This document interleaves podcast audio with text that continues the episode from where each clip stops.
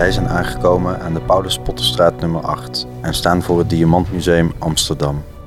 Oprichter en eigenaar van het museum is een andere bekende Joodse diamantfamilie, Koster Diamonds, die gehuisvest zijn in de monumentale villa op nummer 2.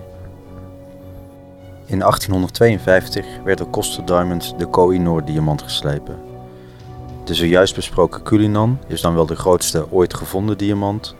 De Koh-i-Noor is de duurste enkele diamant met een waarde die te hoog is om er een prijskaartje aan te kunnen geven.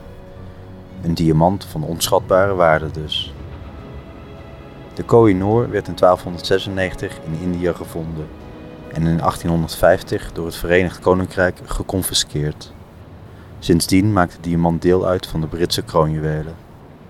De Koh-i-Noor werd in 1852 door Diamonds herslepen voor koningin Victoria van Engeland.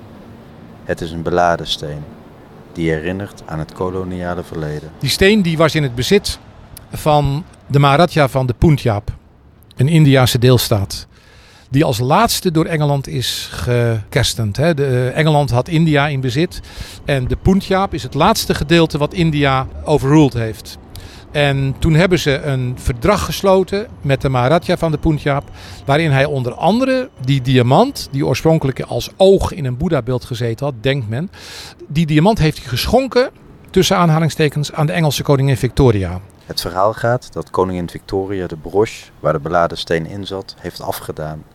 En in 1851 tijdelijk aan de organisatie van de wereldtentoonstelling heeft gegeven om deze tentoon te stellen. En toen zei iedereen, hij schittert helemaal niet. De Nederlandse vertaling van het woord Kohinoor betekent berg van licht, berg des lichts. En dat deed hij helemaal niet.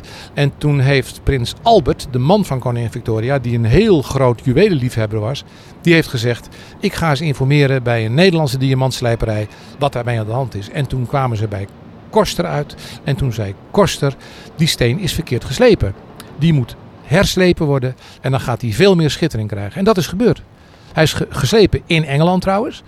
Daar is een deel van afgevallen. Hè. Er is een deel verloren gegaan. Dat gaat bij slijpen. Dus hij is kleiner geworden. Maar hij is wel veel meer gaan schitteren. Er zijn in de afgelopen jaren diverse claims geweest. De vroegere Punjab valt nu onder Pakistan. Pakistan eist de steen terug.